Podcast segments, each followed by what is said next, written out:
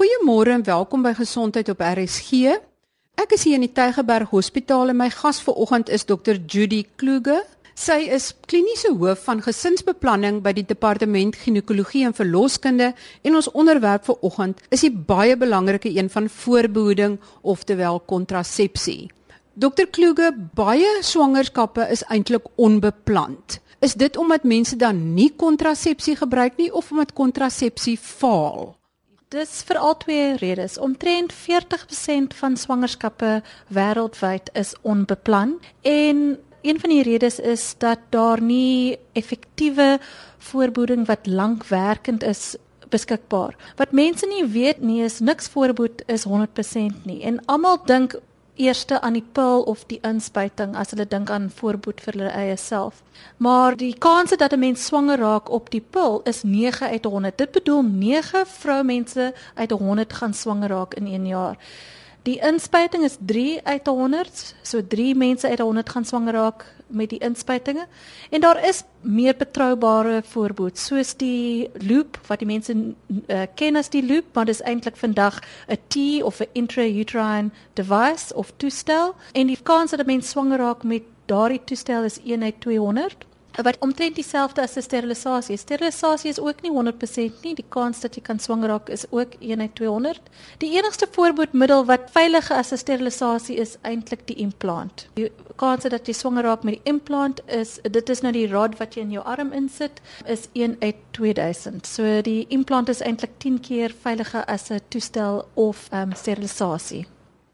Sjoe, daar het jy sommer 'n mond vol gesê van al die metodes wat beskikbaar is en dit is nogal ontstellend om te dink dat baie van die metodes nie so doeltreffend is as wat mens eintlik in jou kop dink dit is nie. Maar kom ons begin van 'n kant af en dan kyk ons na elkeen apart. Die pil. Wat presies is dit wat mens drink? Hoekom is daar dan 'n uh, 'n mislukkingssyfer dat daar wel swangerskappe kan wees? Is daar sekere middels wat dit beïnvloed of siekte toestande? Kan jy so 'n bietjie meer uitbrei daaroor? Jy kry twee verskillende soorte van pil. Die een het net die een hormoon, die progesterogeen, eh, wat die vrouhormoon is. So dis die progesterogeen alleenlik pil of jy kry die pil wat die twee hormone, die estrogen en die progesterogeen. Gewoonlik uit die twee is die kombinasie meer doeltreffend as die progesterogeen alleenlik. Die kombinasie pil sit die eiers aan die slaap. Nou, die pil werk terwyl jy hom drink. En sodra jy begin vergeet van die pil of selfs na jy bietjie laat is met jou nuwe pakkie pille, jou eiers word wakker en jy kan ovuleer, jy kan 'n eie loslaat en jy kan swanger raak. En dis wat mense nie dink nie. Hulle dink as jy jou period kry op die pil, dis dieselfde as jy jou period kry wanneer jy nie voorbehoed gebruik nie. Maar die ding met die pil is wanneer jy vir 7 dae nie 'n pil of die placebo drink, daardie rooi pilletjies, jou eiers eintlik begin wakker raak. So as jy dan laat is met jou volgende pakkie of jy vergeet 'n pil in jou volgende pakkie, dan jou eiers word wakker en hulle kan die eier loslaat. Baie mense dink o nee, ek het nou net my period gehad. Ek gaan eers my eie loslaat in 2 weke se tyd want dis nou wat ons gewoonlik doen en hulle weet nie eintlik nie die mees gevaarlike tyd om 'n pil te vergeet is net nadat jy jou withdrawal bleed gehad het. En eintlik deesdae, dis nou nie um so fashionable in Suid-Afrika nie, maar in Europa, 'n mens drink die pil dat jy nooit jou period gebruik nie. Jy drink 'n pil elke dag en jy vat nie die placebo's want dit eintlik maak die pil meer doeltreffend. Um maar ek vind nou in Suid-Afrika die die vrouens is altyd o, ek moet my period hê, maar dit is nie gevaarlik as jy nie jou period. So een manier om jou pil meer doeltreffend te maak is drink die aktiewe pil die hele tyd. Maar net om te waarsku, jy kan dit nie sommer op enige pil doen. So praat met jou dokter voor jy dit probeer. Maar ander ding is as jy sekere medikasie kan inmeng soos sekere antibiotika maak dat die pil minder effektief is. Ook epileptiese pille sekere HIV medikasie kan maak dat die pil nie so doeltreffend is nie. En die feit dat jy moet elke dag ietsie onthou om te drink, kan dit maak dat dit minder effektief is. As jy die pil perfek gebruik, eintlik is 'n goeie manier. Die kans is dan 3 uit 1000, maar hoe die mense gewoonlik dit drink, is dit 9 uit 100 word swanger. Die progesterogeen alleenlik pil, jy kan nog steeds 'n eier maak met die progesterogeen alleenlik pil of die POP. Hoe die POP nou verhoed dat jy swanger raak is eintlik dit maak die slijmproppie in die mond van die baar dikker dat die sperm nou nie kan opswing nie. So as jy 3 ure laat is om jou POP te pil te drink, kan jy swanger raak. En dis wat mense nie altyd weet nie. So gewoonlik die progesterogene alleenlikpil, ons hou vir mense wat borsvoed, want borsvoeding is eintlik ook 'n vorm van uh, voorbehoeding of vir ouerige mense meer as 40 waar hulle natuurlike fertiliteit al klaar minder is. As jy sê mens moet dit perfek drink, beteken dit jy moet dit elke dag op dieselfde uur drink? Dis meer so met die progesterogene alleenlikpil. Dit letterlik is as jy 3 ure laat is, jy is nou op risiko om swanger te raak. Die kombinasiepil het 'n bietjie meer leeway. Ehm um, gewoonlik jy is alright as jy een pil drink, maar as jy twee pille drink, kan jy dan 'n eier loslaat. Maar die ding met die pil gebruik is wat 'n mens nie weet nie, is dat sperm kan tot 7 dae in jou uterus lewe. So mense dink nie o, ek het nou my pil vandag en gister vergeet, maar ek is nou nie op risiko om swanger te raak nie want ek het nie omgang die laaste paar dae of ek gaan nie omgang vanaand hê nie. Maar hulle dink nie dat die omgang van laasweek miskien nog steeds hulle kan op risiko stel. Dis ook hoe 'n mens kan swanger raak. Jy vergeet nou die pille, maar jy vergeet dat jy eintlik omgang op die naweek gehad. Daardie sperm is nog daar. So as jy jou pille vergeet, jy moet eintlik noodvoorbehoed gebruik en jou pille vat as jy nou net jou withdrawal bleed gehad het. Wat ek probeer sê, dis 'n bietjie meer complicated. Jy moet hoe die pil werk bietjie beter verstaan om seker te maak dat jy nie swanger raak as jy pille vergeet nie. En almal kan ook nie die pil gebruik nie. Kan jy dalk net noem wie is vroue wat liefs na ander metodes moet kyk wat nie geskik is om die pil te gebruik nie? Uit al die metodes wat beskikbaar is, is die pil die een waar jy moet meer bewus wees van die vroumense se ander siektes. So gewoonlik mense wat enige risiko vir bloedklonte, so enige iemand met hartsiekte of hoë bloeddruk of suikersiekte of al klaar 'n stollingstoestand het, moenie die pil gebruik nie. En daar was 'n studie wat in FSA gedoen is. Omtrent 1 uit 4 mense wat die pil gebruik, moet nie eintlik die pil gebruik nie want hulle het risiko's daarmee. So dis een van die redes hoekom die pil 'n slegte naam het, is want daar's baie mense wat in die eerste plek moet dit nie gebruik nie. Die deesdae daar is meer veilige en meer effektief voorbehoed beskikbaar. Dit moet nie ons eerste keuse wees nie. Ander opsies soos die intrauterine device of die loop moet ons aandink of die marine wat die toestel met die hormoon in hom het of selfs die implant. Ek weet daar's die implant is nou 'n nuwe ding, maar die implant en die IUD is eintlik veiliger as die pil in meer as een manier. So ons moet begin ophou dink aan die pil en ander opsies dink Jy het nou begin praat van die intrauteriene toestel. Dit kom al 'n lang pad en oor baie jare aan. Hoe gewild is dit? Is daar nuwe tegnologie beskikbaar en hoe effektief is dit dan nou dat mens dan eerder miskien eers daaraan moet dink in plaas van dat jy dalk 'n risikogeval is wat die pil gebruik? Wel die intrauterine device, baie mense noem dit die loop. Nou 30 40 jaar was dit die loop. Dit was genoem die Lippies loop. Lippies was die man wat dit daardie spesifieke vorm ontdek het. Dit was letterlik 'n loop. En daardie loop het geen koper op hom gehad nie. En ja, so mense het meer 'n uh, groot kans om swanger te raak met hom in. So ek hoor altyd hierdie stories van Tannie Sunny wat se kind met die loop in die hande gebore is. En ek sê ja, dis reg, Tannie Sunny het miskien die loop gebruik, maar vandag het ons die koper tea, the copper tea. En dit is baie meer effektief as die loop of die intrauterine device. Die die shape is van 'n tea en dit nou koper op en dit kan tot 5 tot 10 jaar hang af watter soort jy het en jy kan dit in die baarmoeder sit. En daar's nou geen hormone, so alles te werk soos dit gewoonlik moet werk. So jy maak 'n eie, jy kry jou maanstonde, maar die koper maak die sperm dood sodat die sperm nie die eier kan fertiliseer nie. So dis ideaal vir mense wat ander siektes het waar hormone 'n bydraende risikofaktor vir hulle uh, siekte het, soos suikersiekte. En die ding met die IUD, dit is lankwerkend en baie effektief. So 1 uit 200 gaan swanger raak met die IUD binne-in. Die sukses daarvan lê eintlik in die koper wat dit bevat. Ja. Die toestel van jare terug het nie die koper in hom gehad en dit is net na die jare se ontwikkeling ont het ons ontdek dat dit eintlik die koper wat die voorbehoeding gee en dit maak dit baie effektief. So effektief as 'n sterilisasie. So baie mense noem dit 'n reversible sterilization. In Suid-Afrika is dit omtrent 1% wat die koper IUD gebruik. In plekke soos China is dit omtrent 40% van vroue gebruik die IUD. So ek dink daar's regtig plek in Suid-Afrika dat ons meer gebruik van die koper IUD. Baie mense in privaat gebruik die toestel met die hormoon in hom en dis genoem Mirena of die toestel met die progesterogeen hormoon in hom. En dit is 'n ander opsie vir vroue, maar in die staat dit is baie duurder as die koper. In die staat is daardie Mirena meer vir mense wat ehm um, probleme met bloeding het soos hulle kry swaar periods of pynlike periods. Maar vir die vrou wat geen maandstone probleme het, is die kope een 'n baie goeie opsie want dit het geen hormone, so dan kry jy geen side effects van enige hormone. Hoe vergelyk die suksessyfer van nie swangerskappe van die koper T-toestel met die Mirena?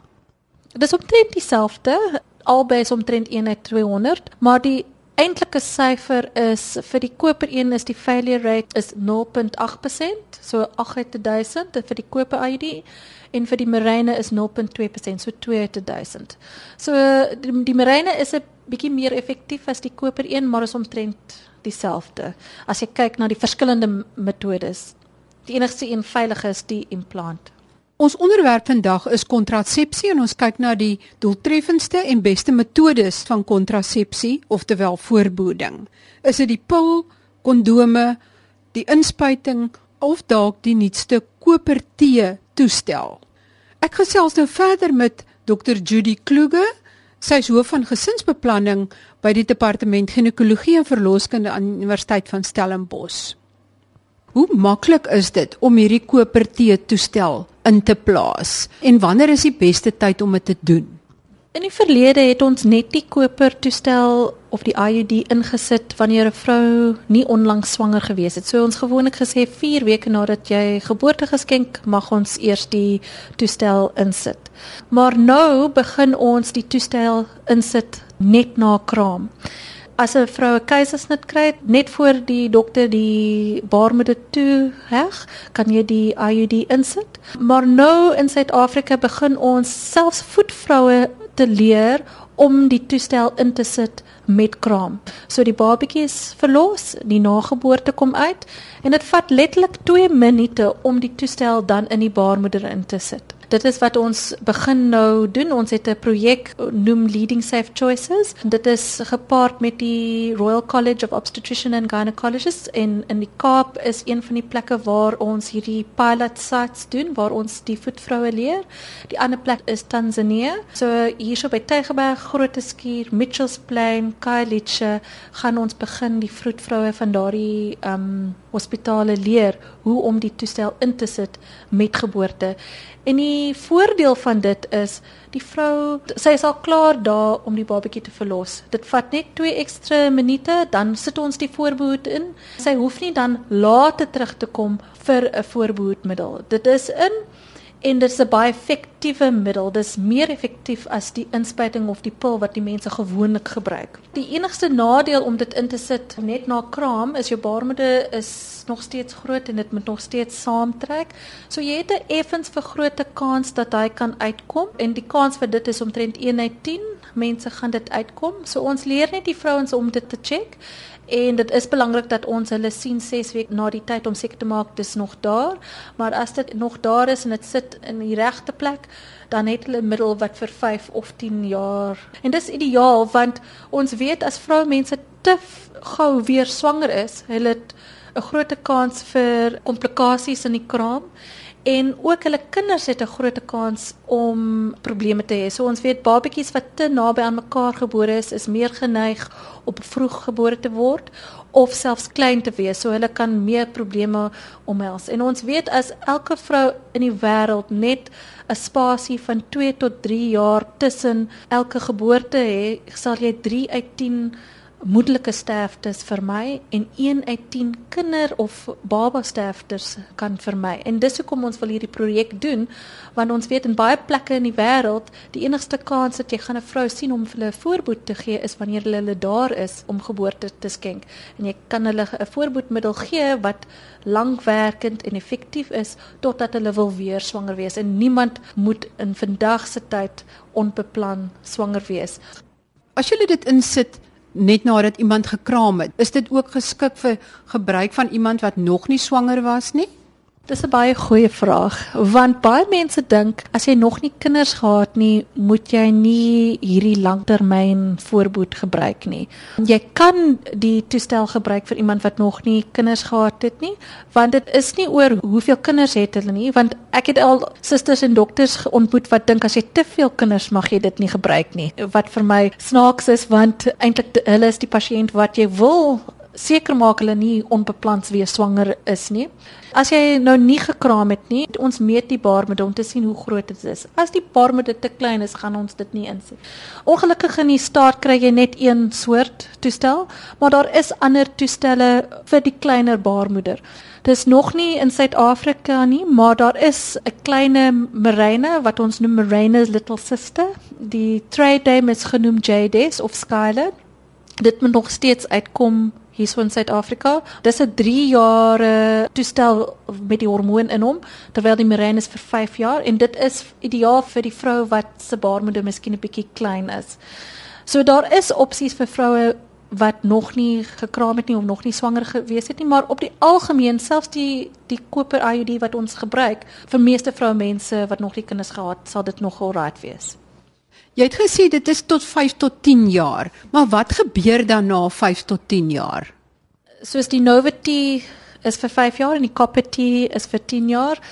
Wanneer dit tyd is om dit verander, ons trek hom uit. Dit is omtrent soos 'n papsmeer. Ons vat net die stringetjies wat uit die mond van die baar uithang en ons vat hulle en ons trek dit uit omdat alles te nog steeds werk soos dit moet werk, jy kan letterlik dadelik swanger raak. Ek trek hom uit vandag en vanaand as jy omgang het, kan jy swanger wees. So dit is dadelik omkeerbaar. So in daai opsig is dit anders as die pil of enige ander kontrasepsiemiddel wat hormoonvlakke verander. En omdat die hormoonvlakke nie verander nie, maar normaal funksioneer, het dit geen effek op jou fertiliteit as dit weer verwyder word. Ja, dit is korrek. Net om vir jou meer oor jou ander hormoonmiddels te praat, niks uh, voorbehoed behalwe die sterilisasie het 'n permanente effek op jou fertiliteit. Met die pil, met die implant, as jy hom stop, baie gou sal alles weer terug aan normaal gaan. Die enigste manier wat vat 'n tydjie is die inspuiting en dit kan gewoonlik so 6 maande vat voordat uh, jou fertiliteit terug is. Hoe baie gebruik julle nog die inspuiting en wat presies spuit julle in en hoe werk dit? Ek weet dis al 'n metode wat al oor baie jare kom, maar is dit nog in gebruik en hoe effektief? So omtrent ehm um, 40% van vrugbare vroue mense gebruik nie 'n voorboedmiddel en dit is een van die redes hoekom ons soveel onbeplande swangerskappe het. Maar uit die mense wat voorboedmiddels gebruik in Suid-Afrika, omtrent 'n derde gebruik die inspuiting. Nou vir my is dit nie 'n goeie nuus om te hoor dat 'n derde van vroumense gebruik die inspuiting want dit vir my beteken vroumense kry nie keuse nie. En ons weet as vroumense keuse kry, hulle is meer geneig om die voorboedmiddel te gebruik. Ons moet baie meer van die ander middels gebruik. Ek dink baie vroumense weet net van die inspuiting of die pil of die sterilisasie. Wat die inspuiting is, jy kry twee verskillende soorte. Hulle is 'n progesterogeen alleenlik metode. Jy kry 2 maande een en 'n 3 maande een. So een wat jy met elke 2 maande gaan inspuit of elke 3 maande gaan inspuit. En wat dit doen is dit sit die eiers aan die slaap. Dit hou ook dun uit die bloedkleintjie van die baarmoeder vir al die 3 maande inspuiting. So meeste van die mense wat die 3 maande inspuiting gebruik, gaan nie hulle maandstonde kry nie.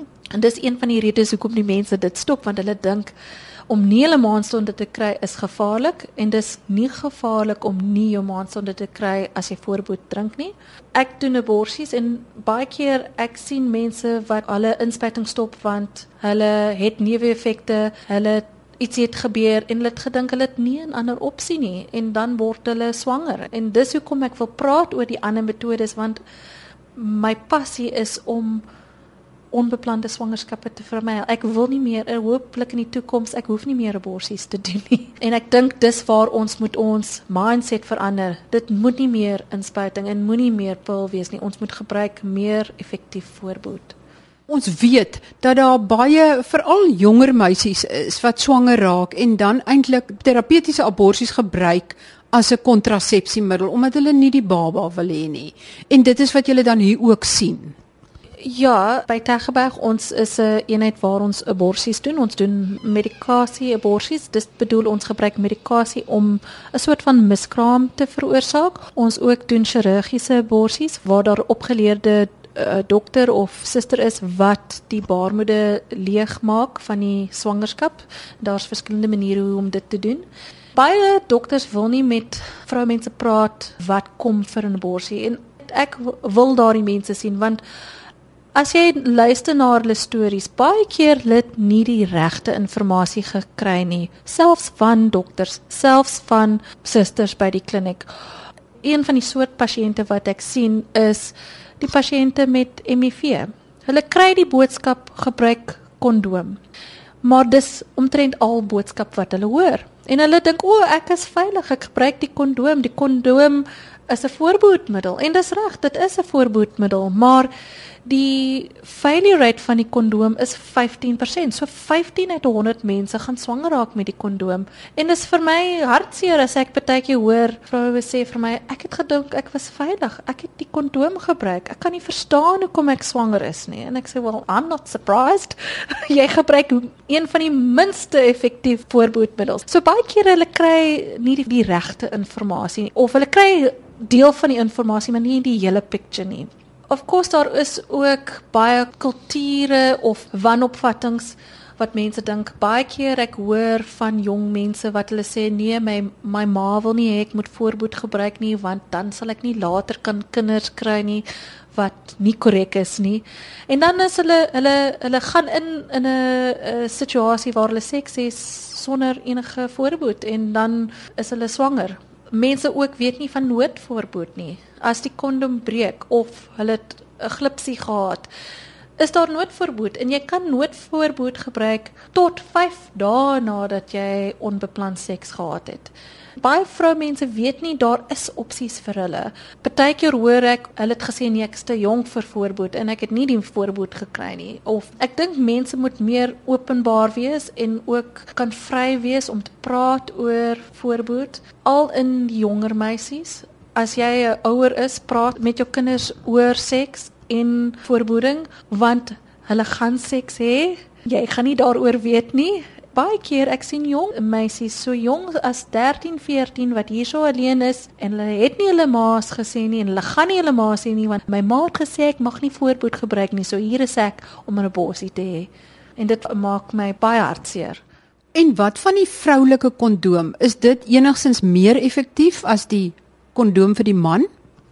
Nee, dit is omtrent dieselfde jy moet 'n bietjie meer versigtig met die vroulike kondoom wees want jy moet seker maak dat die penis in die holte van die kondoom gaan want baie keer die penis langs aan die kondoom ingaan. Maar dis 'n goeie opsie vir vroue want ehm um, hulle is in charge oor hulle eie seksualiteit. Baie keer ek hoor van vroue want ek deel net met vroue dat hulle sê nee my man wil nie 'n kondoom gebruik nie. En dis nou 'n opsie vir hulle sodat hulle darm kan vir hulle self beskerm Dit is aan die einde van ons program vir vandag, maar nog nie die einde van ons gesprek oor kontrasepsie nie. Julle het vandag gehoor dat die Marina en die Kopertee toestel verreweg die nommer 1 posisie bekleë wat betref die veiligste en doeltreffendste voorbehoedmiddel wat daar is. Tweede in die ry, maar 'n bietjie laer, is die pil. Derde is die inspuiting en heel laaste is die manlike en vroulike kondoom. Maar ek sit die gesprek oor kontrasepsie binnekort voort want daar is ook 'n nuwe metode van sterilisasie. Dit duur 2 minute, dit is sonder narkose en dit is sonder chirurgie en dit is baie doeltreffend. Ek gesels dis binnekort weer met dokter Kloege En stuur gerus julle vrae oor voorboeding en kontrasepsie aan my by gesond@rsg.co.za en dokter Kluge sal dit dan in daardie program behandel. Volgende week gesels ek met professor Tes van der Merwe en ons sit die gesprek voort oor abdominale vet, daardie gevaarlike vet in jou liggaam en ons fokus op wat daaraan gedoen kan word. Tot volgende week dan. Totsiens.